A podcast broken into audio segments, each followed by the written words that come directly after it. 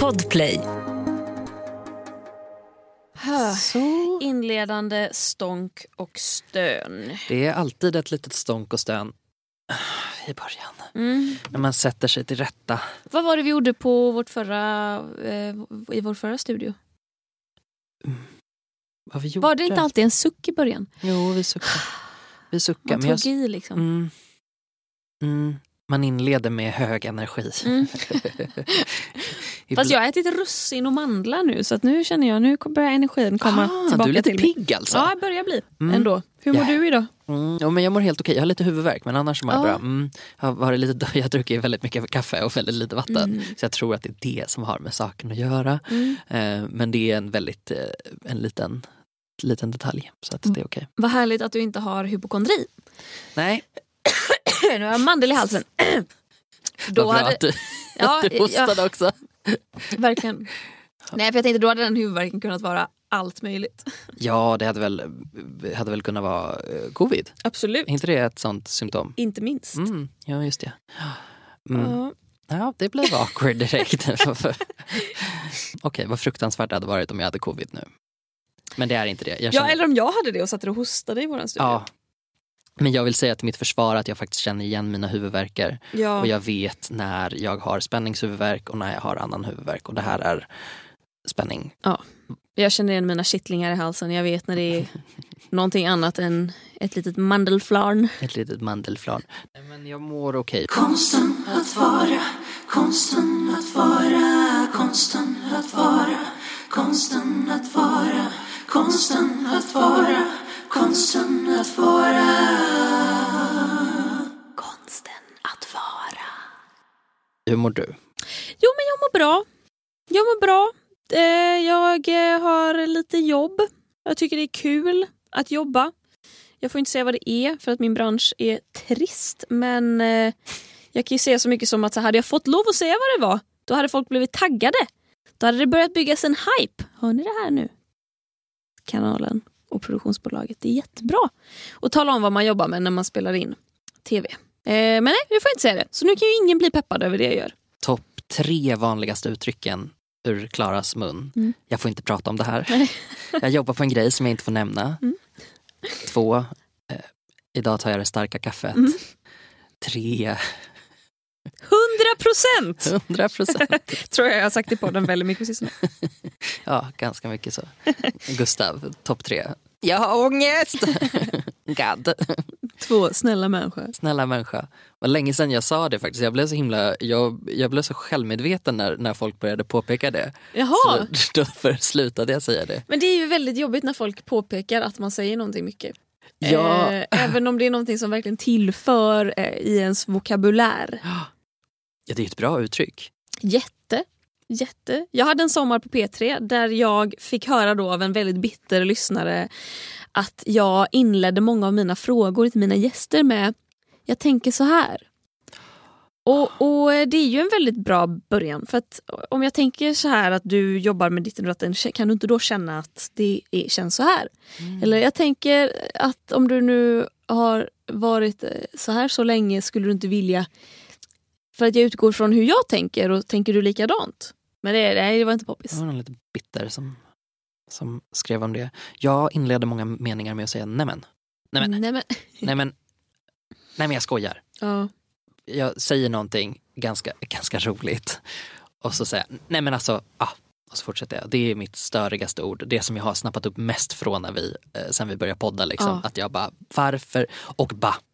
Ba och liksom. Jag förstår inte hur jag kan säga det så ofta. Vet du, jag har aldrig tänkt på det när jag har lyssnat på, när jag har korrlyssnat liksom Ja, på avsnitten vi får. Jag, Vänta bara. men, men där, ja, nu kommer jag börja. Men däremot har jag tänkt på att jag säger så här. Det är så här, vi gjorde så här och, och då gjorde jag så här. Eh, någon, ja, ja, och det brukar vara i kombination med ett annat ord men det har jag glömt nu. Och jag kan, jag kan sitta och vilja strypa mig själv. Mm. För att är jag, är jag lite medveten medan vi poddar, då säger jag det inte. Men då ska jag aktivt tänka på det. Släpper jag loss lite, då säger jag så här hela tiden. Jag hatar det! Jag hatar det! Det är orimligt! Ja, Okej, men vi mår okej i alla fall. Ja, det, Mm. absolut. Vad bra. Vad ska vi prata om idag Gustav? Idag ska vi prata om något så spännande som olösta mysterier. Ja, det här tycker jag är kul alltså. Jag tycker också det och i, i dessa tider så Mm. är det ju viktigt att underhålla sig på olika sätt. Och vad passar väl då bättre än något oförklarligt? Mm. Spännande, spännande. Har du sett eh, Unsolved Mysteries på Netflix? Det har jag inte. Oh, jag kan verkligen rekommendera Är det så? Vad roligt. Jag tycker det är, alltså, det är en serie med två säsonger, så vitt jag vet. Och Det är kanske tio avsnitt per säsong och varje avsnitt är väl en timme långt och handlar om ett olöst mysterium. Och de varierar i underhållningsgrad. Men vissa är helt sjukt spännande, slash läskiga, slash oförklarliga, slash what the fuckiga. Är det här eh, nyproducerat? Ja. För jag tror att det här är en gammal 80-talsserie också. Som, Ah. de, som de gjorde från början och då väldigt VHS-igt liksom. Ja. Att, att de släppte massa band av det och sen Mm. så gjorde Netflix en, en reboot av det. Okej. Jag tror att det är det som ligger uppe. Ja, jättebra tycker jag. Att Mm. det är. Eller vissa avsnitt har verkligen fått mig att sitta som på nålar. Men jag har alltid tyckt att det är så himla kittlande med det. Mm. Eh, Bermudatriangeln och Åh, Atlantis ja. och allting som är vattenbaserat har jag tyckt varit hur spännande som helst. Men konspirationsteorier är ju överlag väldigt spännande om det finns en, eh, en antydan till någonting övernaturligt. Mm, Tycker jag. absolut. Och en antydan till sanning. Precis. Alltså att det finns bara tillräckligt mycket så att man eh, hajar till en gång och bara Mm. Oj, nej men gud, är det så? Bermudatriangeln är ju en sån som jag verkligen har typ legat sömnlös över och tänkt att så här, Nej har det försvunnit båtar och flyg som har hamnat i en annan dimension i den här triangeln ute i Atlanten? Jag har faktiskt väldigt svårt att tro att jag skulle våga flyga över Bermudatriangeln. Jag tänker att jag, jag skulle nog välja ett annat. Jag skulle inte åka dit. Jag har flugit över Bermudatriangeln och jag insåg det när vi var på väg in. När man sitter i sätet och tittar på den här lilla tvn i sätet framför och så har man så här flight radar mode. Och så bara sitter man och tittar på hur ens lilla lilla flyg bara sakta rör sig hackvis över en karta och jag bara, vad är det där? Är det där karibiska öar? Fan också! Mått skit tills man är över. Ja. Nej för fan vad läskigt. Ja, det ska vi alltså prata om idag. Mm. Och apropå flyg så tänkte jag börja med historien om D.B. Cooper. Är det här ett namn du känner igen? Nej, Bradley Cooper, ganska bra koll. Inte han. Inte han. Du- Då är jag inte intresserad. Då får du gärna hitta Fan. något annat. Okej, eh, Du kommer få höra det ändå. D.B. Cooper eh, som för övrigt är en feltolkning kan man väl säga. Han hette egentligen Dan Cooper men en journalist hörde fel en gång, skrev D.B. Cooper, sen blev han känd som D.B. Cooper. Han är en flygplanskapare och nu ska vi berätta historien om honom. Det är kvällen den 24 november 1971. Det är Thanksgiving och en medelålders man har köpt en flygbiljett ifrån Portland till Seattle som är 30 minuter med flyg norrut. På biljetten står namnet Dan Cooper och det är ett namn som inte är hans riktiga namn. För vad han egentligen heter, det är det ingen som vet än idag.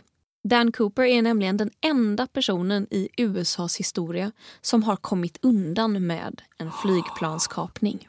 Gud. Mm.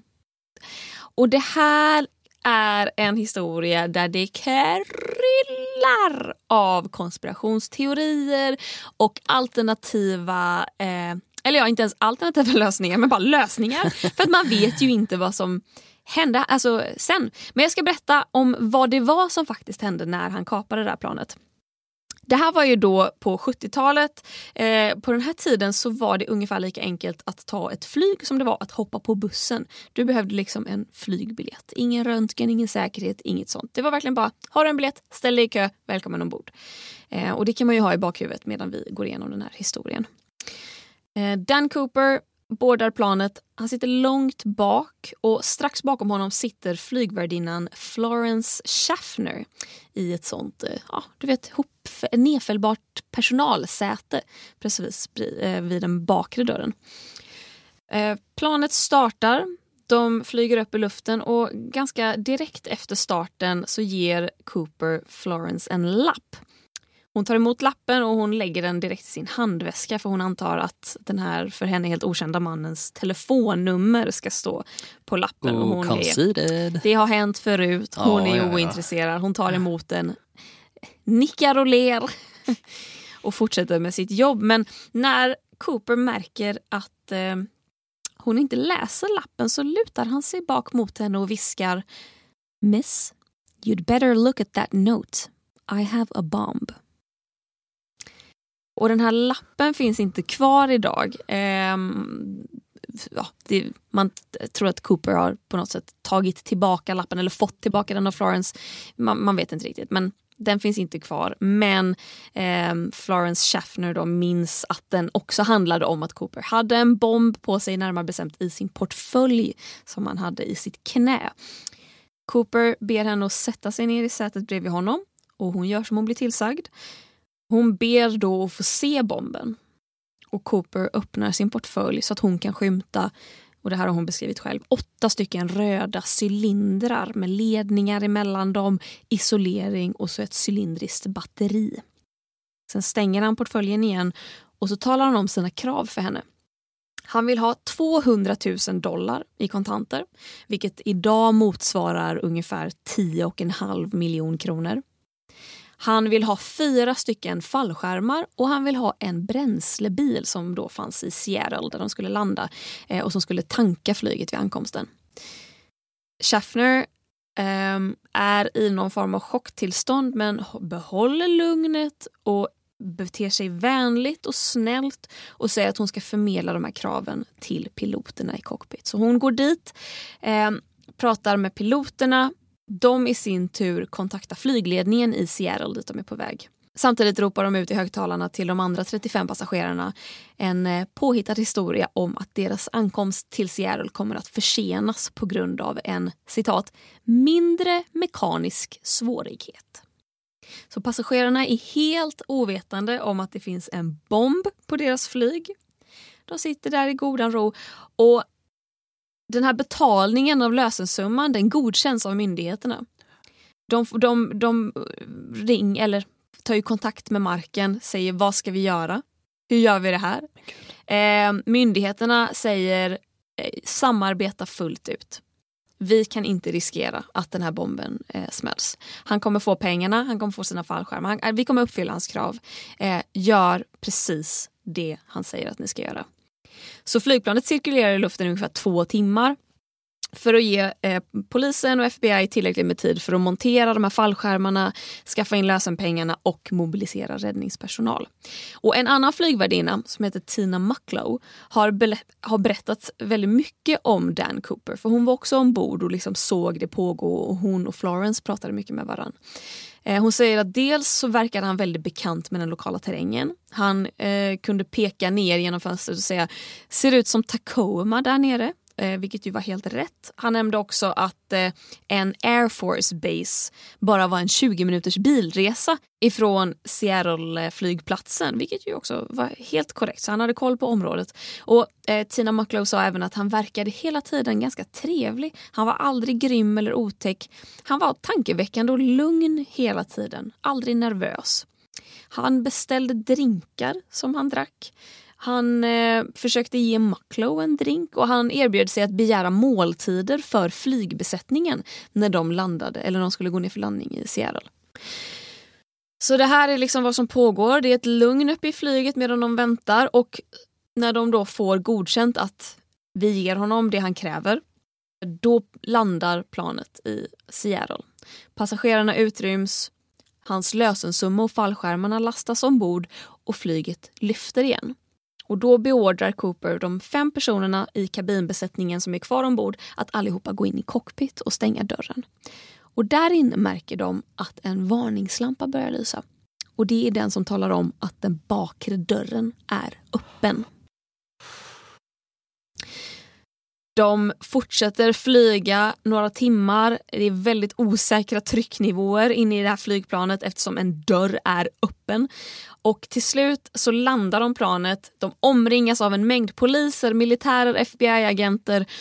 Och det är då de verkligen förstår att Dan Cooper är inte längre ombord kvar på planet. Så det här är ju eh, surrealistiskt på väldigt många sätt. Eh, det som är sjukt är att man har fortfarande inte en aning om vad som hände med D.B. Cooper och pengarna han fick med sig. Han hoppade ju bevisligen ut ur planet.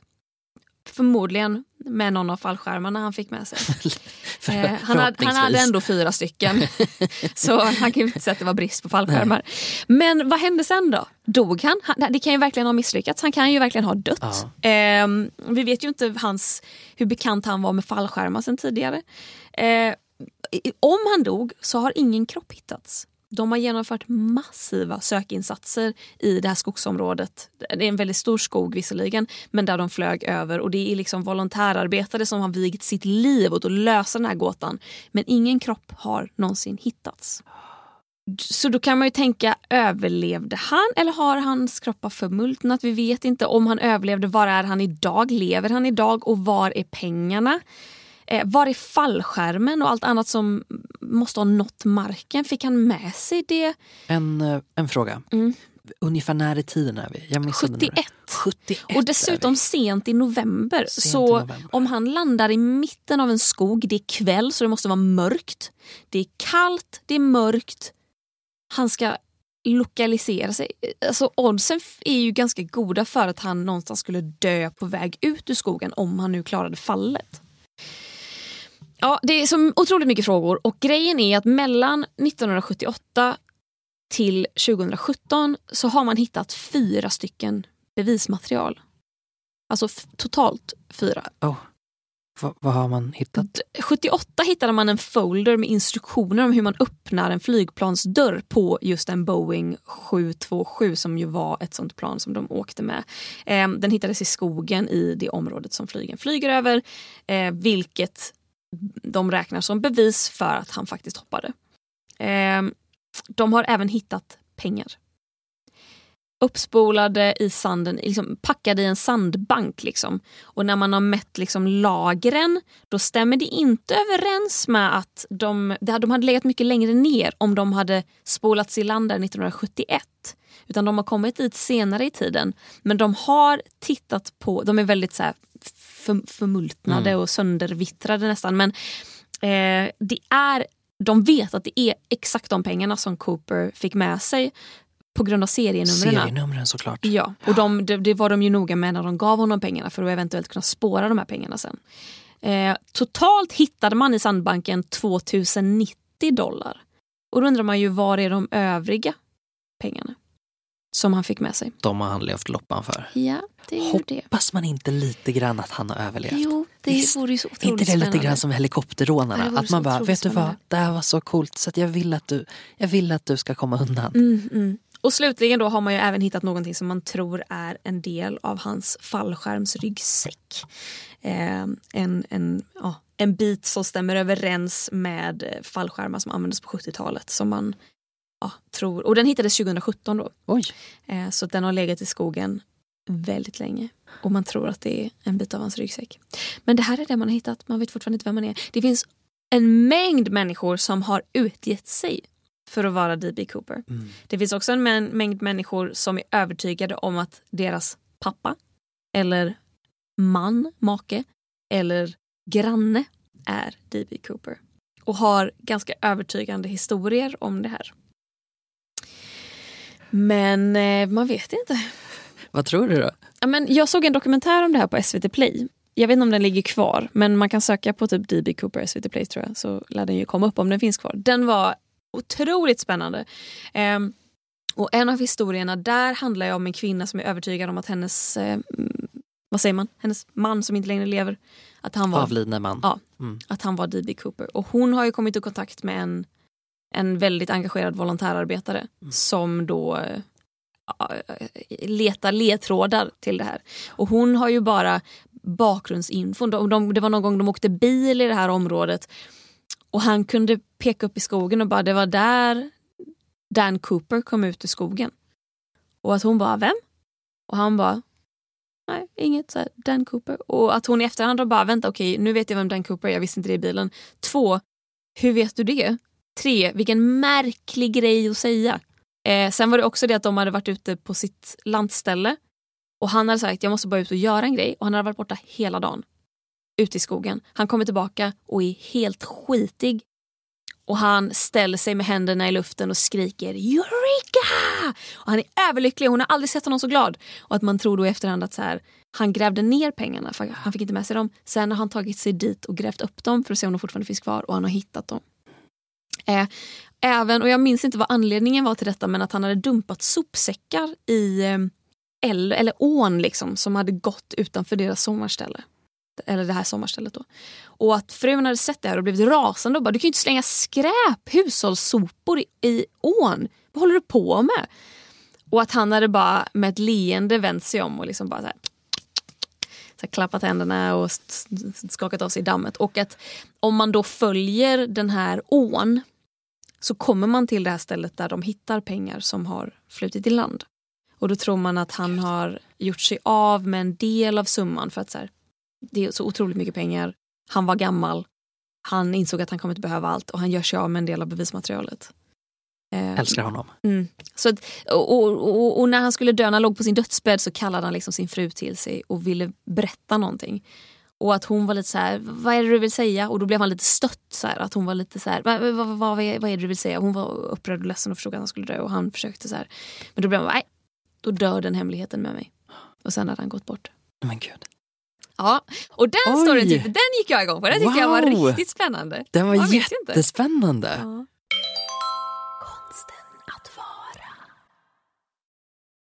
Jag har en historia som handlar om svarta dahlian. Okej. Känner du igen det namnet? Nej, inte alls. Nej, det här är eh, ett av tidernas mest eh, uppseendeväckande mord. Okej. är det. Ehm, så nu ska vi bege oss tillbaka till den 15 januari 1947 och på en eh, kall och mulen morgon i Los Angeles promenerar en kvinna i Limet Park, ungefär 8 kilometer ifrån Hollywood. Hon går där med sin lilla dotter och klockan ish 11 på förmiddagen så ser hon någonting. Så en bit bort på en öde tomt skymtar hon lite vit hud i det bruna gräset. Hon ser konturerna av en människokropp men den är så blek så hon nästan tror att det är en skyltdocka hon ser. Hon går närmare och ser att det mycket väl är en död människa som ligger där. Och hon ringer polisen förtvivlat och polisen kommer dit. Den här kvinnan i gräset då hette Elizabeth Short. Och så fort polisen kom dit så fanns det inte ett frågetecken om att hon hade blivit mördad. Det här fallet väckte nationell uppmärksamhet, inte minst för att det var i Hollywood då, den här drömfabriken. Mm. The Men också- American dream. The American Dream, precis. Folk flyttade dit för att bli skådespelare. Eh, Men det blev också väldigt känt för att Elizabeths kropp var så svårt sargad. En eh, journalist och en fotograf hann faktiskt före de större polisstyrkorna eh, som kom dit och ja, förekom dem med att upptäcka att kroppen var styckad. Och fotograferna tog en mängd fotografier på det här liket då. Och de var så fruktansvärda så de släpptes inte förrän ganska långt senare. Men om man är lagd åt det hållet så kan man googla på det här. Ehm, och Har du gjort det? jag har sett dem, jag har inte aktivt sökt upp dem Nej. faktiskt, men jag har sett dem tidigare. Är de hemska? De är fruktansvärda, för den här kvinnan är alltså styckad. Hon är kluven vid höften. Det är någon som har skurit loss köttstycken från hennes bröst, Mm. från låren. Och sen har de gett henne ett Glasgow smile. Känner du igen vad det är? Nej, får jag gissa? Mm. Är det att man skär upp kinderna liksom, eh, alltså från mungipan och uppåt? Precis. Uh, vad äckligt. Mm. Precis, Usch, det är någon usch, som har usch, skurit upp hennes mungipor. Kroppen är också tömd på blod. Och trots det här så fanns det inget blod på brottsplatsen så det första polisen förstod var att hon har blivit mördad någonstans och sen så har hon blivit dumpad här i gräset där hon låg. Eh, Kroppen hade märken på vrister, handleder och hals, alltså tyder det på att hon har varit bunden. Det finns också spår efter våld mot huvudet. Och dödsorsaken fastställdes vid obduktion som blödning från såren i hennes ansikte och slag mot huvudet. Och den här historien fick väldigt mycket fart i skvallerpressen för att det var så snaskigt. Det fanns så Mm. mycket om den här kvinnan då. Hon hade bland annat ja, men blivit tagen av FBI tidigare. Eller hon fanns liksom i deras register för att en gång så hade hon druckit alkohol när hon egentligen var minderårig. Så de hade liksom en mugshot på henne och den här mugshoten spreds. Och historien om henne utvecklades från att hon då i själva verket jobbade som servitris och ville bli skådespelerska och bodde i Hollywood. Av den anledningen så blev det i pressen att hon var prostituerad och när de hittade henne så hade hon varit utmanande klädd. Och här fick hon också smeknamnet då Svarta Dahlian. Ehm, Det kan vara så att det baserades på en film som heter Den blåa dahlian som är en, en, en crime, Mm. krimfilm. Liksom. Mm. Men också att hon gärna klädde sig helt i svart. Okej. Och här då så började droppa in ganska många erkännanden, precis som du sa om kaparen, så Ja. börjar folk ta på sig mordet. Vad är det med folk och att vilja ta... Varför, varför vill man att det ska vara jag? Ja, jag vet inte, man vill väl ha något slags arv efter sig kanske, ett kulturellt arv. Man kanske bara vill att någon ska prata med en, Ja. jag vet inte. Men eh, det var otaliga män och kvinnor som började erkänna det här mordet på henne men polisen upptäckte att det är absolut ingen av de här som, som har gjort det. Nio dagar efter att hon hittades mördad så skickades ett anonymt brev till tidningen The Examiner. Brevet lämnades över till polisen och med hjälp av bokstäver som klippts från filmaffischer så hade man format meddelandet Here is Dahlias belongings letter to follow. Och i det här Vad sa brevet... du? Le- Let her to follow? Ja, precis. Here is Dahlias belongings letter to follow. Ah, be, ah, Det är hennes tillhörigheter som ligger i brevet. Som ligger i brevet. Yes. Nu förstår jag. Mm. I brevet ligger hennes födelseattest, personnummer, bilder som har tillhört henne och en gammal adressbok. Men man vet vem hon är sen tidigare? Man tar reda på det ganska, Ja. ganska snabbt. Liksom. Just eftersom de hade den här mugshoten så var det ju Mm. lättare att... f- Då, då hittade man ju henne Ja. i registret. Liksom. Så att då kunde man, eh, då kunde man identifiera henne. Eh, Och det här hjälpte ju till också med personnummer och, ehm, och, och grejer. Ehm, Men eh, kuvertet och det som låg där i hade tvättats med bensin. Så det fanns inga fingeravtryck kvar. Okej. Mm. Så att, eh, Clever! clever, very clever.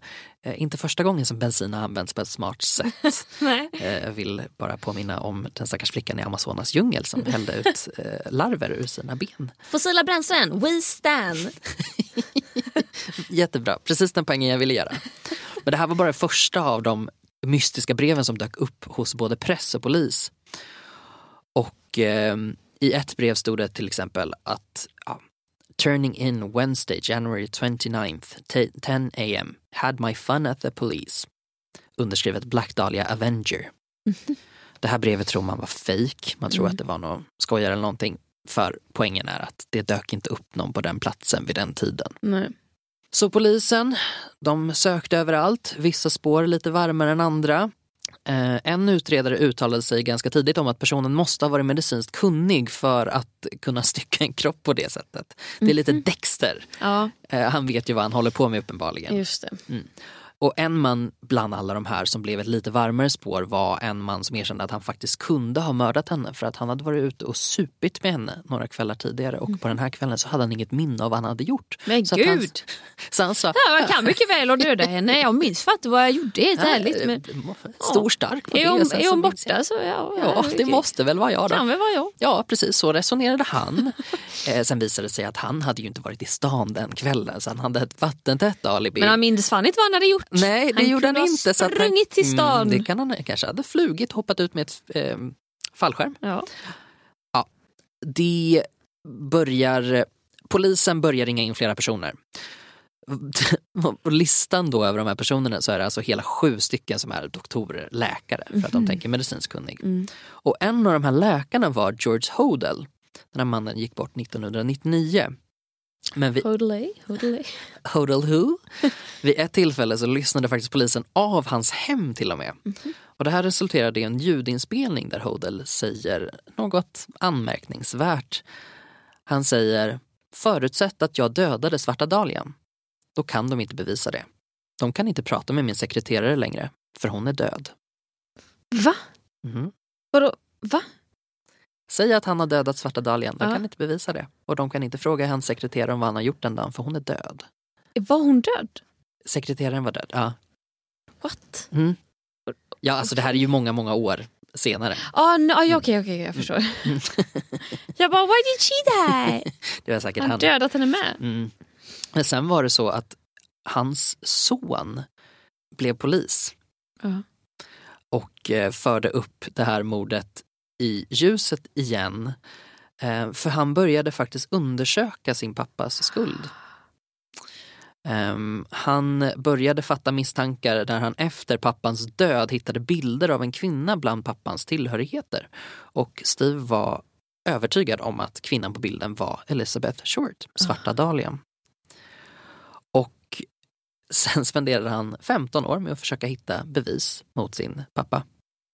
Experter har tittat på de här bilderna i två olika omgångar och första gången ansågs de, ansåg de att de med 85% säkerhet kunde säga att bilden inte föreställde Eli- Elizabeth Short. Men när en ny analys gjordes senast 2014 då uppskattades den till mellan 90 och 95% säkerhet att Oj. föreställa henne. Men vänta, lever han idag? Sonen lever idag. Mm. Oh shit. Yes. Så sonen har ju också påpekat att eh, hans pappas handstil liknar den på brevet som uppgav att mördaren då skulle överlämna sig själv till polisen. Mm. Men eh, ja, experter kunde liksom inte komma till ett entydigt svar på den punkten heller. 2012 återvände Steve Hodel till huset där han växte upp och med sig hade han en polishund som markerade för spår av mänskliga kvarlevor. Och forensiska tester på platsen visade precis samma sak. Och troligtvis är det George Hodel som har mördat Elizabeth Short men mordet anses fortfarande vara olöst. För att man kan inte bevisa det då? Exakt. Oh my god! Vad krävs för att kunna bevisa det? Mycket antar jag. Väldigt mycket skulle Det jag ska säga. vara bortom ett rimligt tvivel. Ja, så, så heter det ju i Sverige. Ja. Eh, bortom rimligt tvivel måste vara eh, bevisat. Holy shit! Mm, Men det här är en typisk sån historia som man kan hitta ganska mycket populärkultur kring. Så om man tycker att det är spännande med mord så skulle jag ju säga att man ska titta på, det finns ju en film bland annat, jag undrar om det inte ja, eh, Janet Jackson, vad fan heter hon? Scarlett Johansson tror jag spelar Svarta Dahlia. Skulle- Okej. Ehm, och så är det Josh Hartnett som spelar detektiven tror jag. Jag ska bildgoogla för jag kan inte kändisnamn om så mitt liv hängde på det. Ah, okej. Eh, ja men eh, Scarlett Johansson vet jag. Vad heter den andra? Josh Hartnett. Josh. Han blev jättehypad när han gjorde Pearl Harbor. Inte sett. Nej. Men det är som att jag känner igen honom fast ändå inte. Mm. Ja, men han har ju väldigt typiskt Hollywood-utseendet av en snygg kille. Ja, han ser ut som exakt alla andra. Ja, All, särskilt under den eran. Brad Pitt, Mm. Johnny Depp. Är det liknande bildresultat? Eh, nej, han ser bara ut som dem. Mm. Men kul! Vad roligt för honom. Han, Ja, men jättekul. han skulle nog kunna spela lite psykopat. Det tror jag. Konsten att vara. Mitt moment of the week är att jag har upptäckt att jag är duktig på en sak som jag inte trodde att jag var duktig på. Men sen var jag väldigt duktig på det och det kändes så himla bra att få vara duktig på någonting.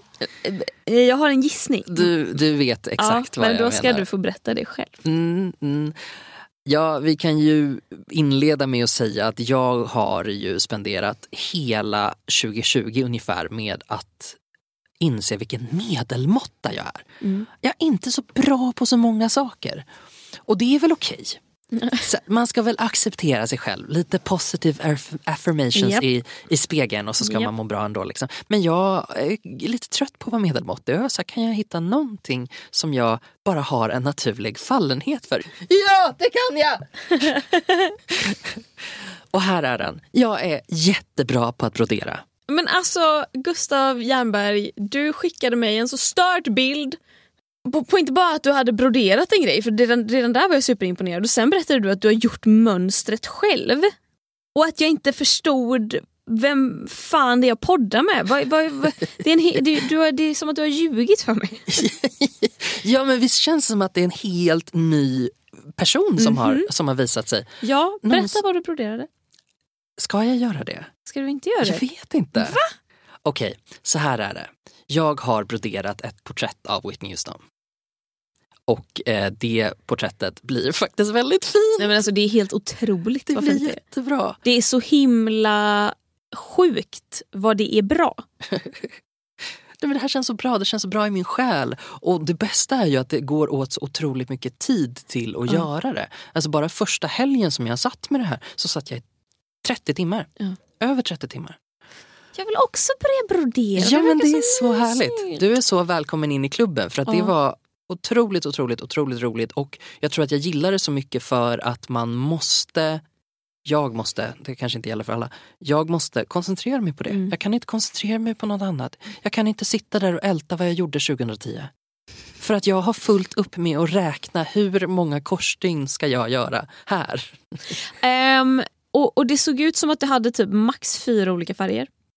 Mm, uh, nej, vet du vad? Jag använde faktiskt, nej, jag använde 11 färger. Så Elva, att det blev okej. mer komplext faktiskt. Ja, men det ser väldigt bra ut. För det är ju Mm, verkligen tack. olika nyanser av brunt. Mm. Det går ju från en typ nästan ljusgul Exakt. ish liknande beigegul till en mörkbrun. Och att det är bara så här, det är som skuggor som bara löper in i varandra och det blir Whitney fucking Houstons ansikte. Jag fattar inte. Nej, det, det, jag är faktiskt så otroligt jävla nöjd över det. Det känns så kul att ha en grej som jag faktiskt är bra på. Mm. Ehm, och som jag också tycker är kul och det har ingenting med prestationen att göra i sig utan det är bara, jag tycker fan att det är härligt. Eh, så det, det, är mitt, mitt moment Ja. faktiskt. Att jag, och jag fortsätter ju jobba på den här. För att den är ju inte färdig. Nej. Eh, det, det tar lång tid. Jag har kommit kanske en femtedel nu. Oj! Mm, så att den ska bli... För det du skickade mig var som en sån nästan perfekt liten fyrkant, alltså rektangel typ. Och då Ja. trodde jag att det bara skulle vara den beskärda delen av henne för man såg ju ändå att det var henne. Mm, ja men precis. Nej, det finns en enkel förklaring till det och det är att min skrivare har gått sönder. Så att jag hade mitt mönster på mobilen Okej. och så satt jag och kollade där. Så, att, eh, så, så som bilden såg ut när du fick den, då är det liksom 1610 format som en Instagram story.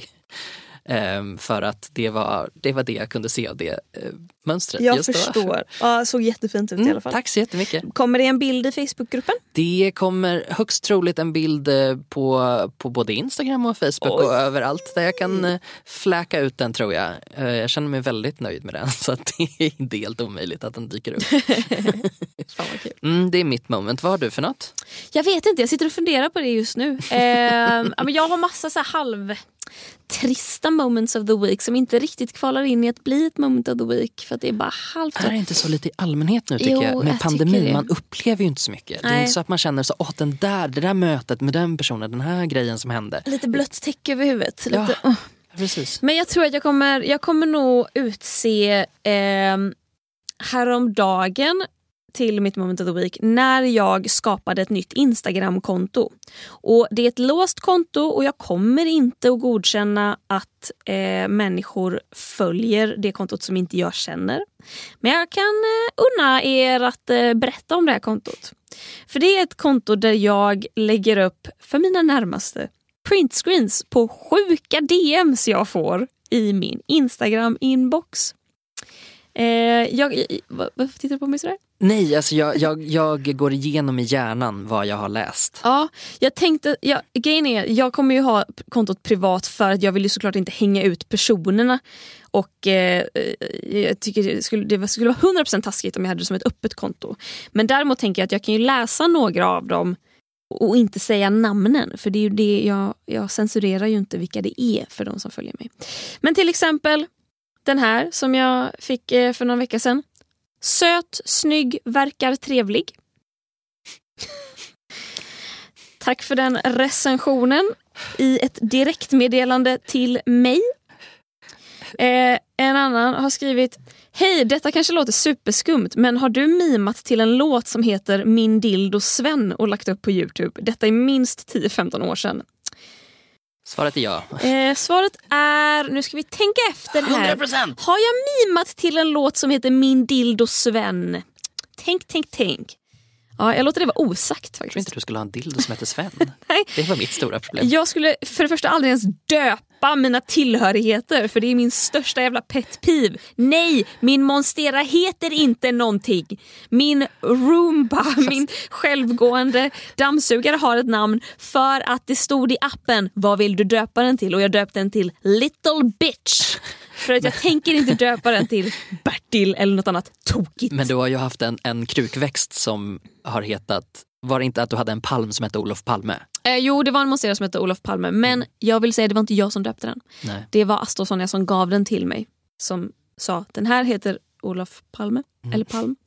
Och eh, därför när jag pratade med dem om Olof Palm så var jag tvungen att benämna honom. som- Såklart, ja. såklart. Eh, ska vi unna oss en, en tredje och sista? Mm. Jag, fick, jag kan läsa den längsta jag har fått. Okej, det kanske är så att jag... Nej, nu tar vi det här ordagrant från början. Kan, eh, ska du, eh, läs det som, eh, alltså om den har gjort förkortningar, läs Mm. förkortningarna. Okej. Okej. Det är kanske så att jag har druckit fyra glas vin för mycket och är kanske lite mer eftertänksam än vänligt. Största problemet är att jag är eftertänksam utan att vara för tänksam. Du är ju det charmigaste trollet i hela lådan. Du är det mest glänsande kattguldet i hela sandlådan. De skarpaste fräsjärnet i hela Dalahästfabriken. De mest hårdhudade på hela savannennen Inklusive nöhömmingen i hörnet. Du tycks ha mer skinn på näsan än en travhäst och ett leende vackrare än en noshörningsmamma. 3M där. Mamma. Detta kanske kan låter jävligt krystat och korkat men det är faktiskt för att jag är korkad och överdrivet rak. Hörru Klara, jag vet inte din relationsstatus eller tänk men jag skulle väldigt gärna vilja ta en promenad slash dricka en kopp kaffe eller ta en middag med dig. För du blänker och glimbar som inget annat jag tidigare sett. Oj, nu råkade jag skicka det där. Tänkte i alla fall ko- korrekturläsa det innan men ja, där har du det. Där har du det. Thank you! thank you, thank you. Så. Den där recensionen påminner ju mig om den sjukaste kommentaren som jag har fått på min Instagram. Eller Ja. som, som jag bara var så här, varför skriver du så här? När, när jag la upp en bild eh, från, eh, de, de gjorde ett heminredningsreportage hemma hos mig och så la jag upp bilder därifrån och så var det en som kommenterade i kommentaren så här, tre av fem, inte det finaste jag sett. Men helt okej. Åh nej. Jag bara, "Ja, Okej, okej. thank you. Mm, söt, snäll, verkar trevlig. Ja, det är ju väldigt roligt eh, när man märker ibland att de svarar på DM men man märker att så här, du skulle egentligen ha skickat mitt, min story till en vän med den här kommentaren. Mm. Du skulle inte ha svarat mig. Nej, det har ju hänt. Ja, det har hänt. Då man bara, mm, just det, så, Ja. kan det, så kan det gå. Thank you. Men så roligt. Ja, nej, men jag är väldigt nöjd över det här kontot. Jag har haft väldigt kul med det här kontot. Och jag upprepar, jag kommer inte godkänna. Det spelar ingen roll om ni hittar kontot. Jag kommer, jag kommer bara delete, delete, delete. Ni får inte följa. Eh, men det kanske blir i framtiden om jag får eh, sjuka meddelanden att jag läser upp de här. Om Mm. folk vill det. Absolut, det är jättekul. Jag vill jättegärna höra. Ja, nice. Det var det för den här veckan Gustav. Det var det vi hade att bjuda på den här veckan. Tusen tack till dig Klara. Tack själv. Eh, trevligt var det. Vi ska tacka våra goa, goa patrones. Och ni heter Isabelle, Joakim Gustafsson, Lolo Fät, Knut, Stephanie Settina, Fanny Sallinen, Sara Perjons, Hampus Alexander, Elinor Johansson Humlan. och Linnea Sivert. Tack. Ja, det var det vi menade. Tack. Och Gustav, apropå Patreons, nu närmar vi oss med stormsteg vårt live-quiz som jag och Gustav håller exklusivt för er som är Patreons och ger 4 dollar eller mer. Så här, har ni det inte så liksom toppen just nu med pengar, ge oss inte era pengar. Men har ni gått och tänkt ett tag att så här, gud vad konsten att vara är bra, jag skulle vilja ge tillbaka. Kanske ni har tänkt, ja men då är väl detta tillfället för då kommer vi ge tillbaka igen. Det är som en neverending story av eh, presenter till varann för att vi älskar varann. Mm, eller? Eh, älska är ett starkt ord.